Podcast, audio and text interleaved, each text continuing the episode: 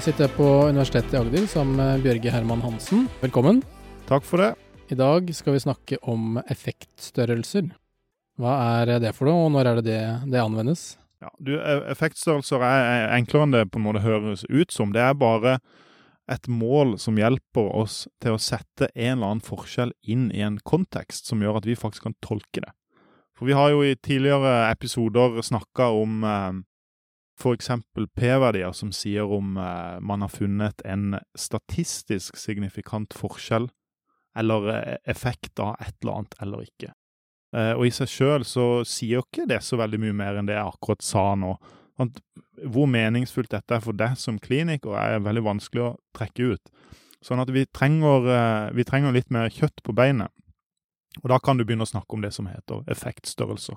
Og det er ikke noe annet enn for eksempel at du oppgir hva som var den faktiske framgangen i behandlingsgruppa. Hvor mange kilo gikk de fram på en styrkeøvelse? Hvor mange poeng gikk de ned igjen på en smerteskala? Det kan være prosentvis endring, f.eks. En eller annen størrelse som hjelper deg som kliniker som bruker av disse dataene til å vurdere om dette er noe som er verdt for meg å sette i gang med eller ikke. Og så har du mange andre typer effektstørrelser. Det er egentlig bare det å ta en forskjell og standardisere den forskjellen, og istedenfor å si et tall, så kaller du en, en forskjell for lav eller moderat eller høy. En vanlig tolkning av effektstørrelse som man kan lese, er jo blant annet, som mange kan kjenne seg enig i, at 0,2 det er lav, 0,5 er middels, og over 0,8 det er høy effekt. Men eh, sånn som du sier at du, hvordan vet jeg graden av styrkeøkning f.eks. i et treningsprogram, eller reduksjon i smerte, ved å lese den type beskrivelse av en effekt? Da? Ja, nei, det er, det er kjempevanskelig, og det kommer stadig tilbake til at vi må i størst mulig grad koble sammen statistikkfaget med de spesifikke fag, altså ditt faglige skjønn.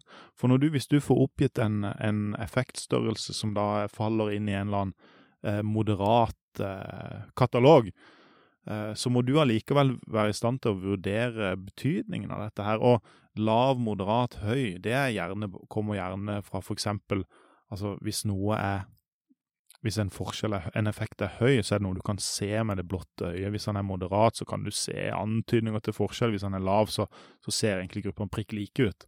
Sånn det, det, er ikke så mye klinisk hold i disse effektstørrelsene, men det er et verktøy som skal hjelpe deg med å ta en avgjørelse om dette er noe du vil sette i gang med overfor dine pasienter eller ikke.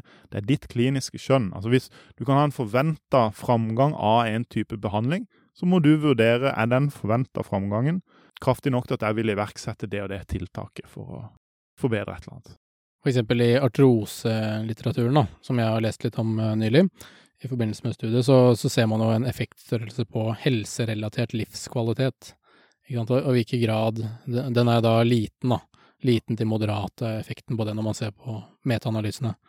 Men, men uh, man må jo gå litt videre og se hva, hva er det det uttrykket innebærer, uh, hvordan er det målt. Man, man, kan ikke bare se på at det er lavt, og så, og så er man ferdig da, på en måte. Det, det, det, gir jo ikke så mye i seg selv.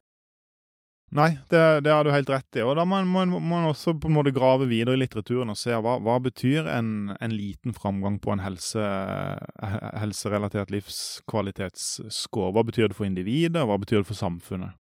Flott. Jeg tenker eh, vi holder oss til det på effektstørrelser. Takk. Hvis du likte denne episoden, del den gjerne i sosiale medier, og gi meg en anmeldelse i din podkastspiller.